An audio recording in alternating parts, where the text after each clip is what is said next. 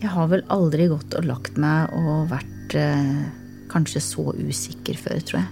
Um, I løpet av bare et par timer så hører vi egentlig at det begynner å drønne. eller sånn, Det er sånn, sånn fjern during. I 2014 tok terrorgruppen IS over store områder i Irak og Syria. IS ble oppfatta som en stor trussel mot stabiliteten i hele regionen og påvirka trusselbildet i resten av verden. Irakiske myndigheter ba derfor verdenssamfunnet om hjelp til å nedkjempe og slå IS ut av landet.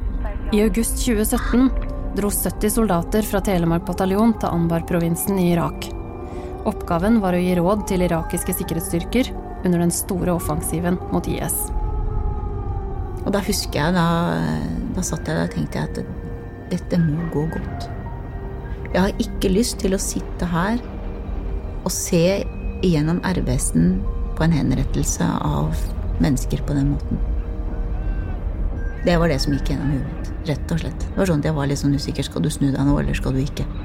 Så hvordan skal jeg, hvordan skal jeg balansere mitt behov og mitt ønske å, om å hjelpe og være der, med risikoen på de, de som kjører bak meg? Hva hvis, hva hvis, en av de blir skutt? Hva hvis en av vognene der blir, eh, kjører på en bombe eller blir skutt med en rakett? Er det da verdt det? Er det verdt å ta den risikoen? Dette er historien om da norske soldater var med på å drive IS ut av Irak. Ergo så er det som krigens karakter. Måten den føres på, den endrer seg hele tiden. Men tilbake igjen til eh, naturen. Den må du forstå. Det er vold, det er usikkerhet, det er friksjon og det er sjanse. Én ting er det du ser, og så er det det du hører, og så er det det du lukter. Vi pusha grensene i et terreng vi ikke er godt vant til, altså 45-50 varmegrader. Ukevis i strekk ute i ørkenen eh, med to underbukser. Fullstendig gjennomsvette og møkkete og fæle. Oppi det hele her så er jo trusselen fra IS er jo til stede. Hjelm på, nattoptikk på, er på radio med alle sammen rundt. Har eh, de våre amerikanske venner ved sida av. De er litt sånn eh, ikke helt komfortable med situasjonen. Men når du først blir bedt på fest av irakiske generaler, så, så møter du opp. Det er mange ting vi ikke har kontroll på. Det er ikke mulig å spørre noen voksne. Det er ikke mulig å spole tilbake etterpå. Eh, konsekvensene er dramatiske for hvis vi velger å skyte. Og da står jeg der og aner ikke hvor jeg er. Egentlig ganske surrealistisk. Man ser ingenting. Eh, det, alt er brunt, og alt er sand. Jeg kjenner på meg sjøl at jeg er sliten, jeg kjenner på meg selv at jeg er frustrert og at jeg smeller. og Kommentarene begynner å bli ufine, og lederskapet blir dårligere. Eh, alle trenger hvile, og jeg ser at stemninga rundt meg begynner å bli dårligere. Du hører Operasjon Desert Lion, kampen mot IS, episode 1 av 2. Du har på deg skuddsikker vest og hjelm. Og når du setter deg inn i kjøretøyet, blir du stroppa fast i en fempunkts sele. Kjøretøyet blir hjemmet ditt. Eh, og kjøretøy er, er en av plassene man kanskje føler seg tryggest. Tjukt panserglass gjør at du ikke hører så mye av det som skjer på utsida. Eller du hører det som er høyt nok. Døra veier 250 kilo. Det her er minelåsen. Du ser ganske godt, men du må sitte litt luta for å liksom se ut gjennom frontruta, ut gjennom, gjennom siderutene. Eh, og du føler deg til en viss grad isolert fra omverdenen. Det er Odd Einar som snakker, og han har ti internasjonale operasjoner bak seg. Fra min plass på vognkommandørsetet så har jeg, så har jeg et kart eh, foran meg. Jeg har eh, alle de sambandsmidlene jeg trenger for å snakke med alle sammen. Og så, når jeg kikker til venstre, så ser jeg, så ser jeg Joakim som sitter og kjører. De som sitter i baksetet, ser du ikke, for dere har et veltebur og mye utstyr mellom dere. Men du kan snakke med dem via sambandet og øreklokkene som du har utenpå hjelmen. Det er ingenting i bilen som kan være løst, for hvis dere kjører på en mine eller en veibombe, en såkalt IED, så vil løse gjenstander i bilen bli som prosjektiler. Kjøretøyet er ikke bygd for komfort. Kjøretøyet er bygd for at det skal være noe som skal hjelpe deg å løse et, et oppdrag. Hvis du er en av de som sitter i baksetet, har du én person på hver side av deg, og du sitter med knærne pressa opp mot setet foran deg. Jeg tror det kan beskrives som å, være, ha en følelse av å være i kile når du sitter der. Så at det er trangt, trangt og trygt er det i bilen. Så er det varmen. Dere har heldigvis litt aircondition i bilen, men det er 55 varmegrader utafor. Foran dere strekker en enslig asfaltvei seg gjennom ørkenen. Og den veien er rigga med miner og eksplosiver. Så hvis du må tisse, kan du ikke bare gå ut av bilen. Da har du ett spor.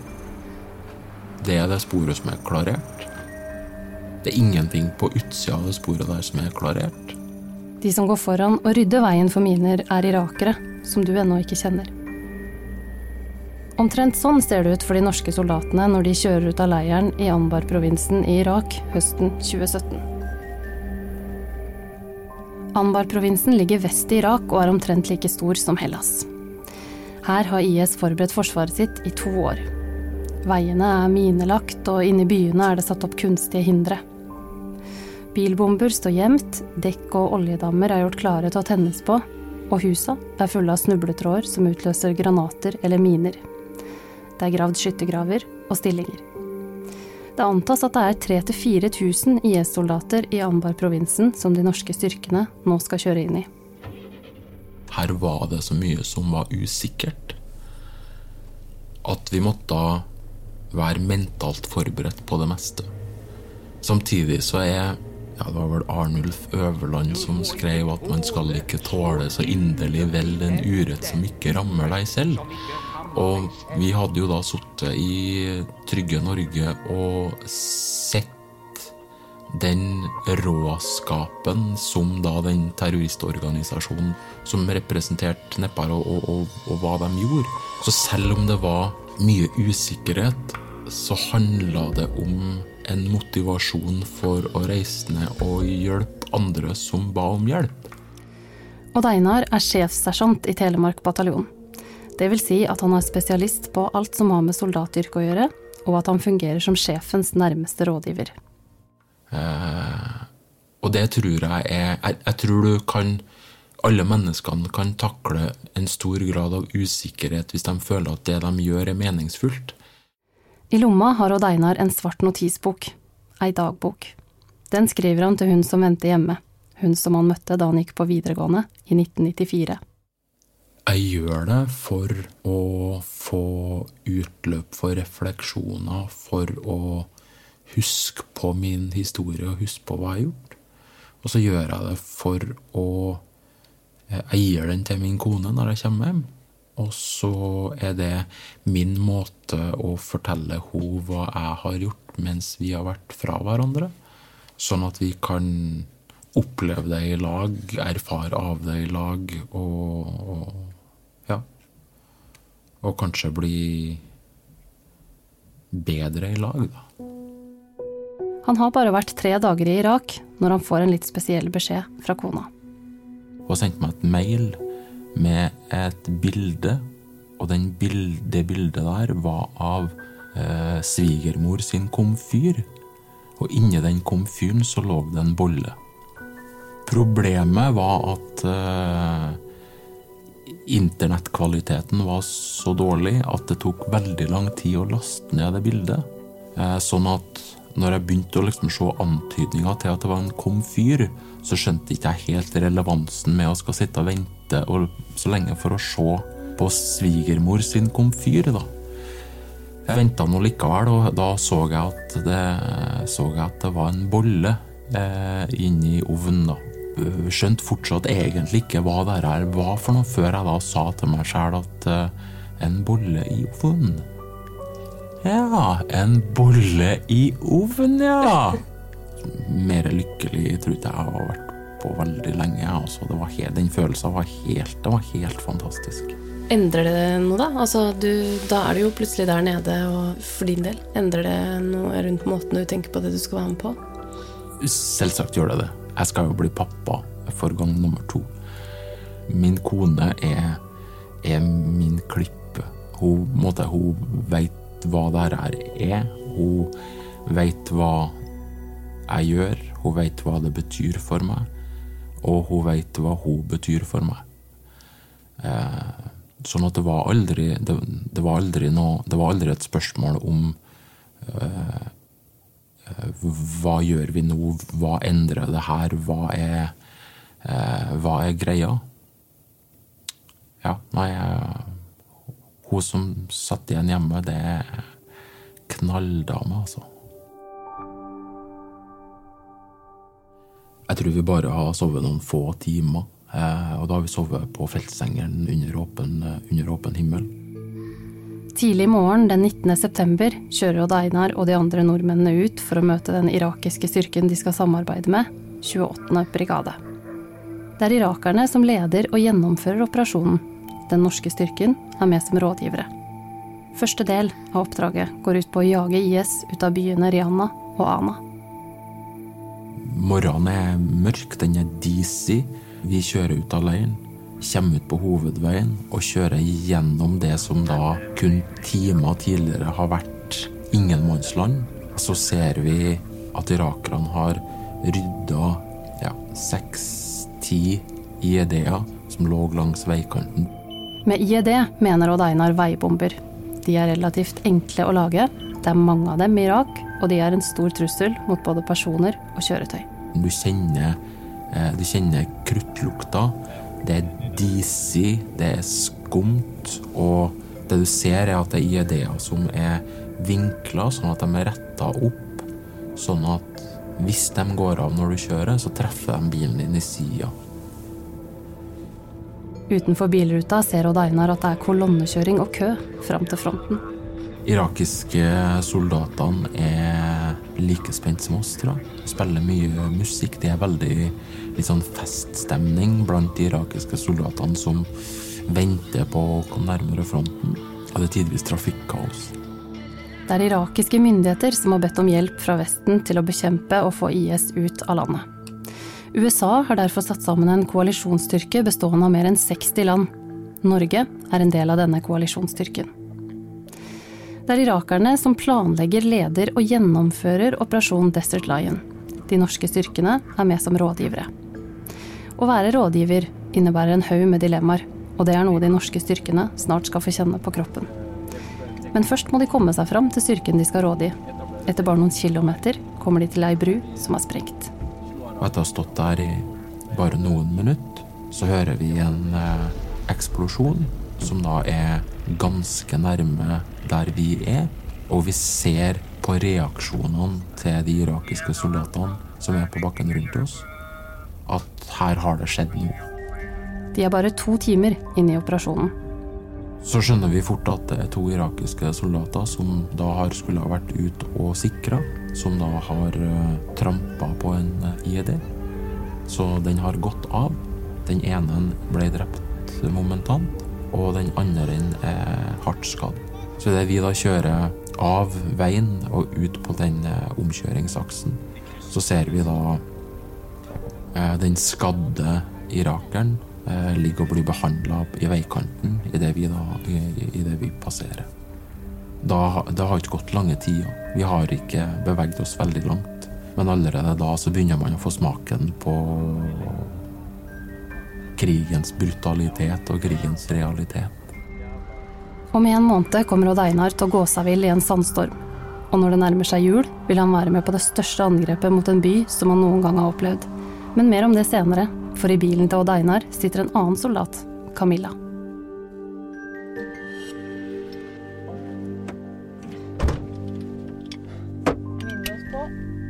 Du har hørt om IS, om brutaliteten, om halshuggingsvideoene. Du har sett de svarte flagga på nyhetene.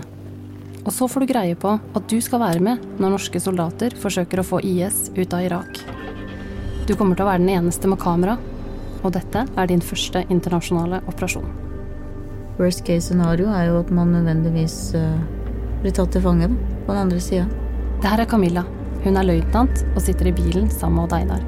Og jeg med kamera, jeg er nok veldig dårlig likt, vil jeg tro. Det kan jeg for så vidt egentlig kanskje forstå. I utgangspunktet fins det regler for krig mellom stater. Hvordan krigsfanger skal behandles, f.eks. Er du militær og blir tatt til fange, skal du ikke tortureres, og ingen skal tvinge deg til å oppgi mer enn navn, fødselsdato og grad. De reglene følger ikke IS. Det vet en som reiser ut for første gang. Det vet Camilla. Kanskje det er derfor hun gjorde det hun gjorde, da hun fikk vite hvor langt det ville være å løpe fra operasjonsområdet og tilbake til basen. Den første runden, da, når vi da fikk informasjon om oppdraget, så var jeg så påskrudd på at ingen skulle få tak i meg.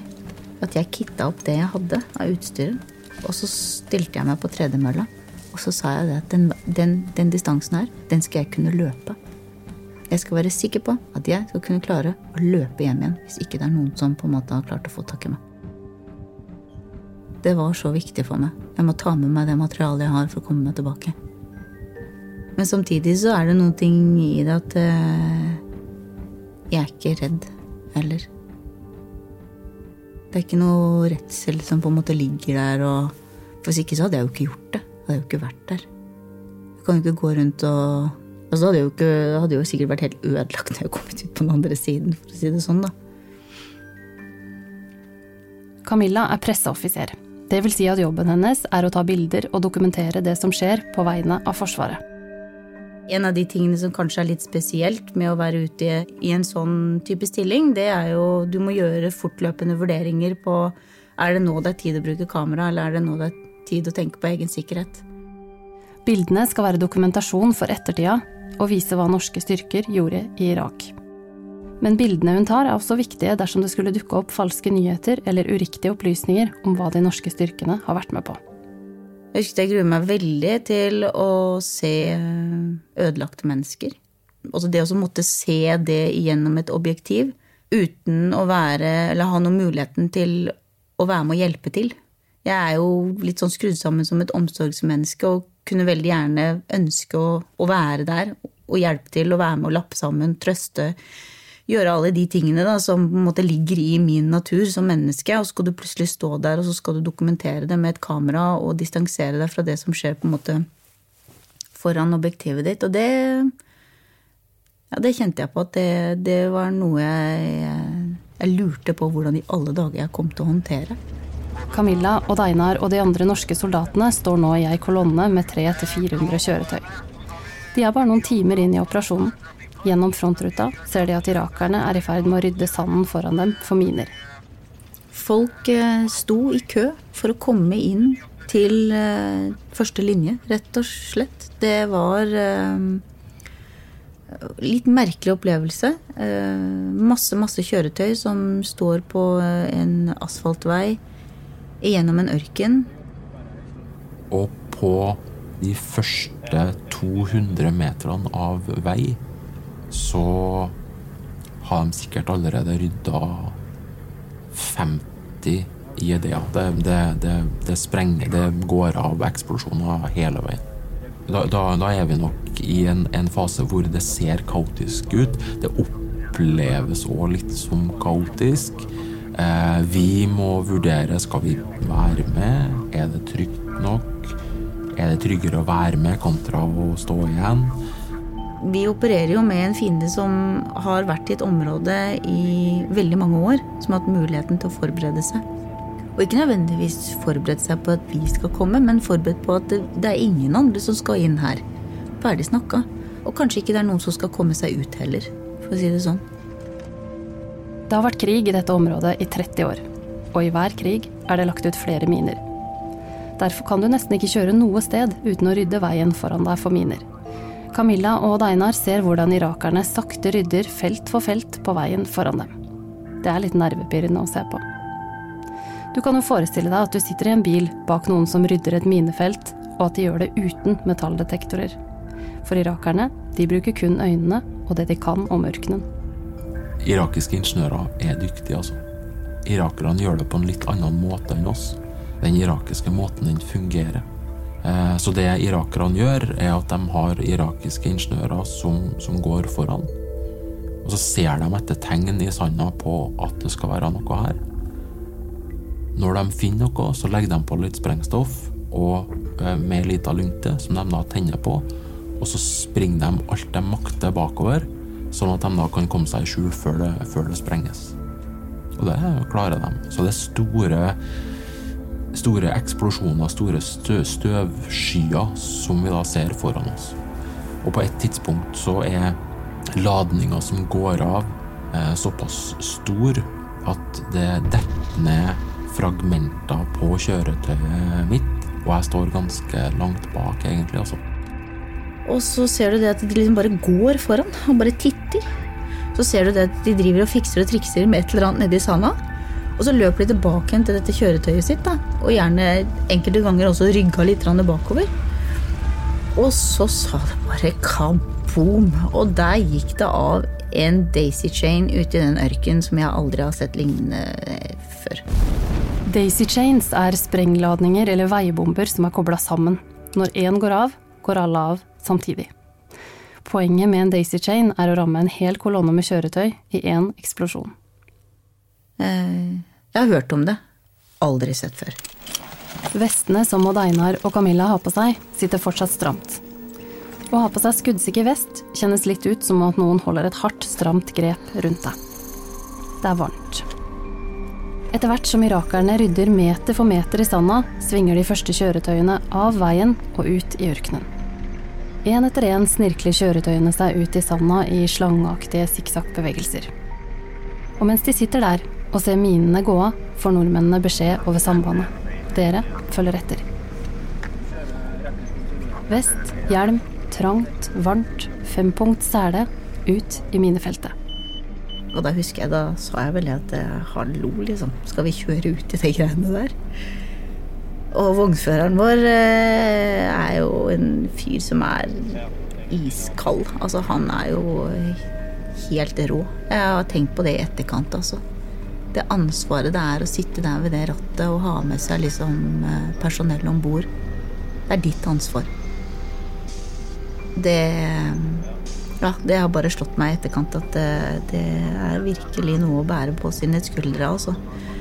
Det var jo som jeg sa, at det Nå kjører du i de hjulspora, og ikke noe annet sted. Og det gikk jo, gikk jo fint, det. I bilen til Odd Einar og Camilla sitter det også en høy fyr fra Lillehammer. Det er Terje. I 2017 er det han som er sjef for Telemark bataljon. Han har den viktigste og kanskje vanskeligste oppgaven. Det første som slår meg, det er jo den enorme varmen. Klokka er 11-halv 12 på kvelden, og det er eh, som å gå inn i en badstue. Og det eneste jeg tenker på, er hvordan i all verden skal jeg klare dette her eh, når det er så varmt på natta. Hvordan blir man venn med en irakisk general? Og hvordan får du han til å stole på deg? Det må Terje finne ut av. Her er det jo en general, og han visste at han var general. og Da kommer det altså en, eh, en oberstløytnant to-tre grader lavere fra et eh, land nesten på Nordpolen og skal lære han om krig. Det, det er klart at eh, Da må man være litt ydmyk og litt lur og by litt på seg selv. Den irakiske generalen er om lag 1,80 høy. Han er 46 år, og han har en velfrisert bart. Selv ute i ørkenen er han pen i tøyet. På lik linje med andre irakiske generaler så lukter han etterbarberingsvann og har nypressa uniform. Det har ikke nordmennene. Eller som Terje sier, når vi er ute i felt, så er vi svette og møkkete, og det kan hende vi ikke har bytta underbukse på et par dager. Men selv om de er litt ulike, får Terje raskt sansen for sjefen for den irakiske 28. brigade. Han hadde energi, eh, han hadde gnist i øyet, han spøkte og lo. og... Eh, og humor er sånne ting som vi treffer litt på. Hvis man tør å by litt på seg selv og bli litt kjent, så, han hadde glimt i øyet og humor og en viss grad av um, taktisk teft. må jeg si Han hadde. Han viste det flere ganger uh, at han forsto krigen der veldig godt. Uh, og hva han måtte gjøre for å, for å lykkes. Og ikke minst så viste han en, en stolthet, en, en, ære, som, jeg, som, vi ikke ser så mye verken i Norge eller kanskje i Vesten. Den her, æreskulturen kommer veldig fram. Altså, han er en høyt respektert mann. Det er han som er the man i området. I mandatet Terje har fått fra Forsvarets ledelse, står det at de norske styrkene skal trene, rådgi og veilede irakiske sikkerhetsstyrker ute i felt. Han har fått noen engasjementsregler som sier hva han kan og ikke kan gjøre. F.eks. skal de norske styrkene ikke delta i selvstendige kamphandlinger, men de har rett til selvforsvar eller til å forsvare irakiske sikkerhetsstyrker og andre allierte. Det høres jo egentlig ganske ryddig og enkelt ut, men um, hvis vi um, bryter opp det litt, trene og råde irakiske sikkerhetsstyrker på brigadenivå, uh, hva betyr det? Hvilken bok slår man opp i da? Hvilken utdanning har vi hatt for å lære oss det? Det er ingenting. Det er, vi har ingen doktriner, vi har ingen konsept, vi har ingen trening på det. Terje har med andre ord fått tydelig beskjed om hva han skal gjøre, men akkurat hvordan må han finne ut selv. En sånn måte å lede på kalles oppdragsbasert ledelse og er ganske vanlig i Forsvaret. Det er det en grunn til. I et fredelig samfunn er man gjerne opptatt av reguleringer og forsøke å unngå risiko, men i en krigssituasjon er du nødt til å forholde deg til risiko, og ikke minst at situasjoner endrer seg raskt. I et sånt bilde passer en oppdragsbasert måte å lede på godt. Som sjef får du da mye ansvar og står ganske fritt, men det kreves også at du tar initiativ, at du greier å tilpasse deg situasjonen og risiko, og ikke minst at du er litt kreativ innafor de rammene som du har fått. Det som var ganske klart for oss tidlig, var at for å kunne komme til en situasjon hvor for det første eh, irakerne som tross alt skulle slåss, og som hadde slåss, og som var stolte og hadde sin ære Hvis vi skulle komme i en posisjon og kunne rådige og faktisk hjelpe dem, så måtte de stole på oss. De måtte ha tillit. Og Den tilliten begynte et sted. Det begynte på, på sjefen, og det begynte fra meg. Så det vil si at hele vår enhet på rundt 70 mann handla egentlig bare om å få meg i en situasjon hvor jeg kunne være sammen med generalen lenge nok til at han begynte å stole på oss. Når det skjedde, så kunne vi begynne å utvide rådgiverne til andre funksjoner som logistikk og samband og etterretning. og den type ting. Det begynte med, med meg og general Kuteiba. I begynnelsen er det en stilltiende test som foregår mellom den norske oberstløytnanten fra Lillehammer og den irakiske generalen fra ørkenen i Anbar. Dagen før så var vi ute og inspiserte stillingene. og Der er det jo gravd store skyttergraver og dekninger, sånn at ikke skarpskyttere fra IS kan, kan, skyte inn på stillingene. og da begynte han å gå litt opp på en haug for, liksom for, å peke, og da måtte jeg gå opp på den haugen også. og Så gikk han litt høyere, og så gikk jeg litt høyere, og så ble vi stående på toppen av den haugen. Og egentlig eksponert for all verdens ild, men eh, også der var det litt sånn eh, man kan, vise, man kan ikke vise, at man er redd. Eh, det, det er litt viktig. Så vi, vi, hadde, vi hadde jo fortsatt i den her hvem, hvem, er du og hvem er jeg-diskusjonen. Eh, Eller ikke diskusjon, men sånn den, den stilltiende testen på Jaha, nå kommer det en fra alliansen som skal hjelpe meg, men hva har han å by på? Hvem er den egentlig? Eh, og den var jeg klar over, så den, eh, den måtte jeg være med på. Men så kommer den virkelige testen. Det Terje kaller et definerende øyeblikk.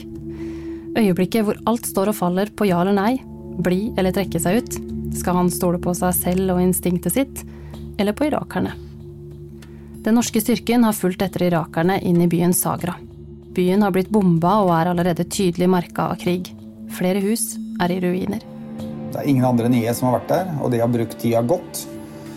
Irakerne slutta å telle bomber når de kom til 3000 rundt Sagra. Så Sagra var fortsatt et, et levende minefelt. Vil si at eh, tråkka man utafor veien der, så, så var man i fare. Så her måtte man virkelig, virkelig passe på hvor man kjørte, hvor man gikk og, og, og hva man gjorde. Nordmennene har slått seg ned i et forlatt bolighus som irakerne bruker som hovedkvarter. Kvelden i forveien har de brukt til å bli kjent med irakerne. Nå er det morgen, og Terje er i ferd med å ta på seg T-skjorta idet han hører et fly komme over dem.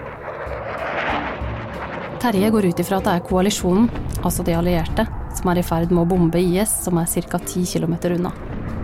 Men så smeller det, og bygningen rister, og støv og røyk, og trommehinna vibrerer, og det, og det piper i øra. Og det blir en liten panikk. Folk begynner å løpe i alle retninger. Og det er tydelig at det, vært, eh, at det er en bombe som har gått av veldig nære. Den første bomben treffer 300 meter unna. Så begynner alle sammen og egentlig å hive på seg utstyret og hive seg på bilene. Eh, jeg står ute og ser på røyksøyla fra den første, og da kommer flyet en gang til. De to neste bombene treffer 175 meter unna. Nok en runde med ringing i hodet, støv, eh, sjokk, eh, folk løper. Litt panikk.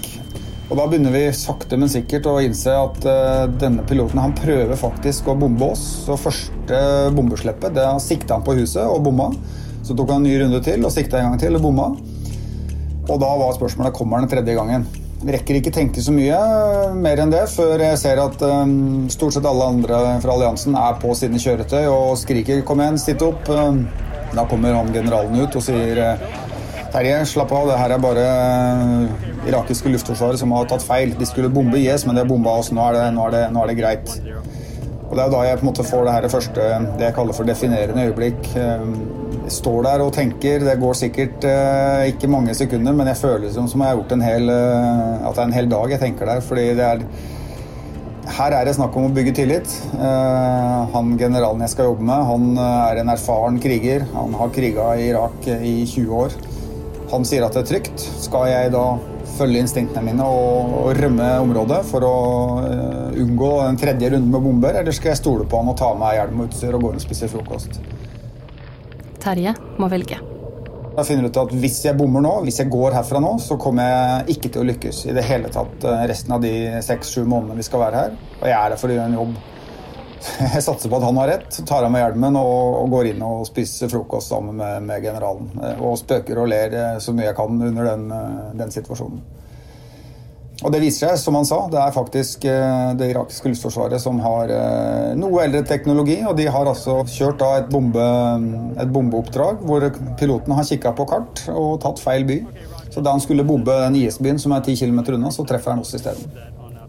Og det er jo litt sånn uh, Sånn er krig. Krig består av uh, masse usikkerhet og tilfeldigheter og, og, ting man ikke er forberedt på. og Den situasjonen her kunne ingen forberede seg på, uh, annet enn å ha en forståelse for den usikkerheten som dukker opp.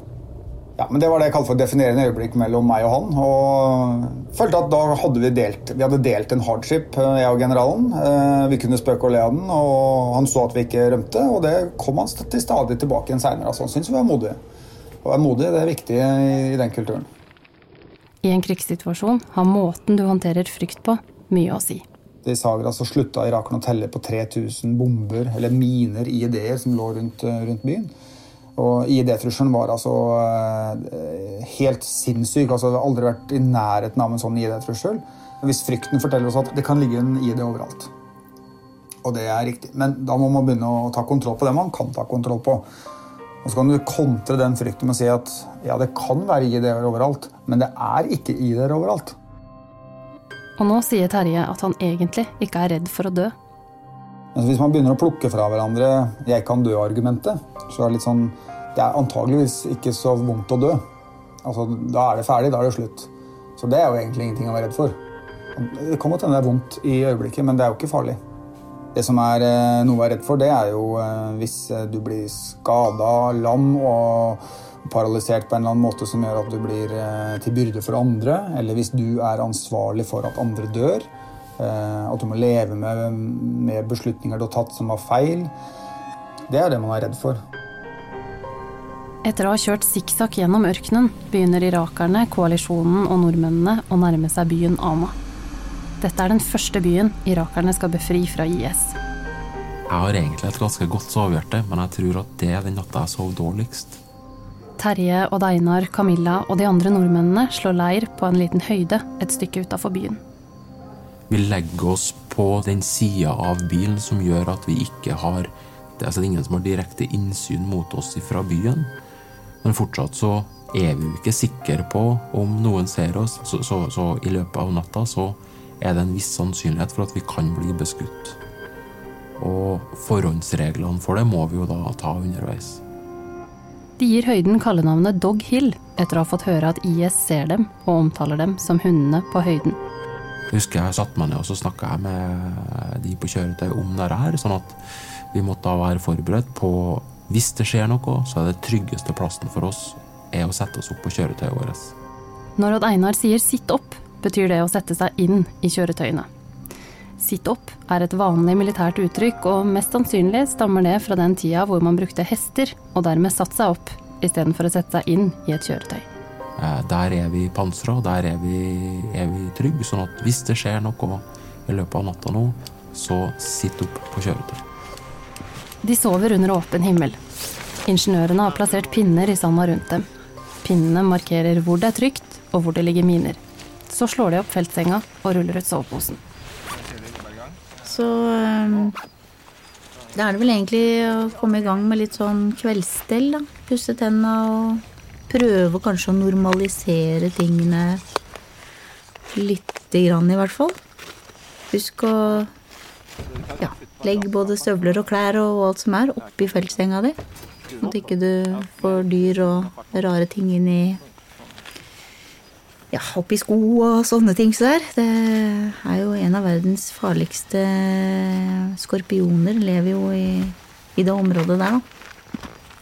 Så det var jo litt sånn Jeg og to av de andre på, på kjøretøyet, da, vi, vi ligger egentlig og, og prater om, eh, om kjærestene våre. den kvelden. Um, ja, og hvordan egentlig livet er da, hjemme. Eh, og er kanskje, Jeg har ikke snakka så, så veldig mye om det som skjer akkurat rundt oss eh, der og da. Yes, vi fikk, vi fikk melding om at det kom til å være en del luftstøtte i løpet av den natta. Det blir en spesiell natt. Og mye av grunnen til at jeg sov så dårlig den natta der, var fordi at det var et Eller det opplevdes i hvert fall som et kontinuerlig bombardement inn mot den byen som vi da dagen etterpå skulle fortsette å angripe. Det var fly som bomba. Det var artilleri som skjøt inn. Det var raketter som skjøt inn. Og det var noe som heter for et uh, AC-130 gunship. Det er et Hercules-fly som da har kanoner på seg. Og det har jeg aldri fått vært med og sett i action før. Det å gå inn i en sovepose for å skal legge seg og sove der, er egentlig ganske surrealistisk. Det er eh, lett skydekke. Og du skjønner at her begynner det å komme inn eh, store fly med, med ting som de har tenkt å slippe nedover den byen. Så i løpet av den natta så er det et fyrverkeri over den eh, byen, mer eller mindre. Og med da luftstøtte, med da bombefly som går over. Du hører på en måte alle de tingene som skjer, da. Eh, på så kort avstand. For et syn. Men det var helt umulig å ta bilde av det. Neste dag skjer det som senere vil bli hovedoppslaget på Dagsrevyen.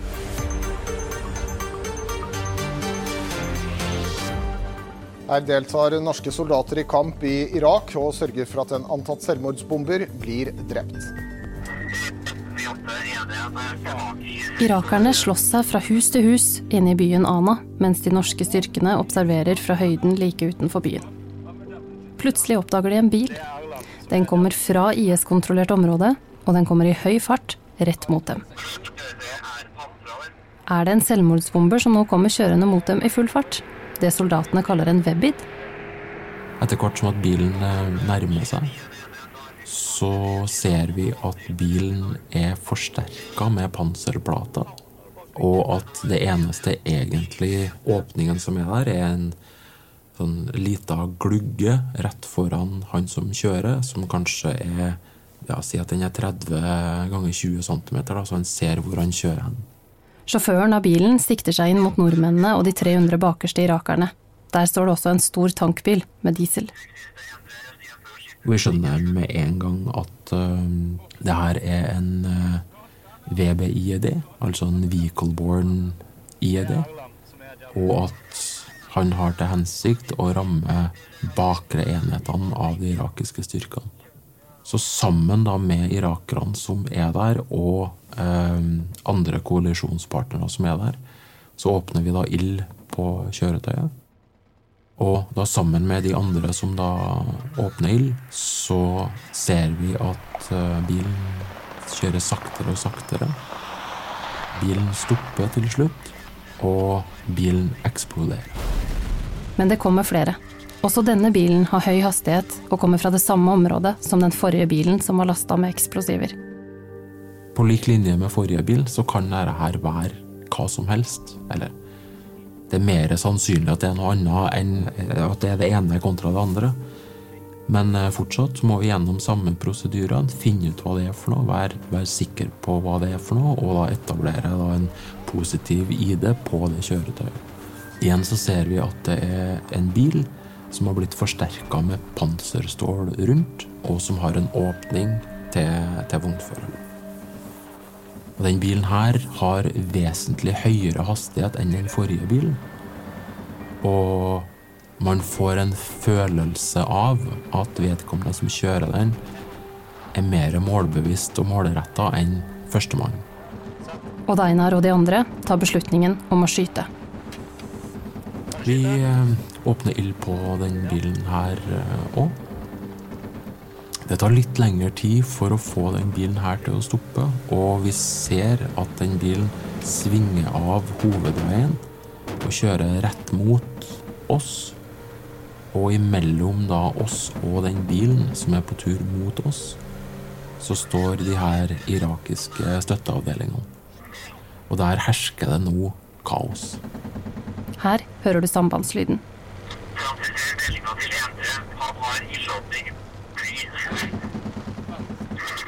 Vi fortsetter å beskytte den, og plutselig så eksploderer det og den bilen.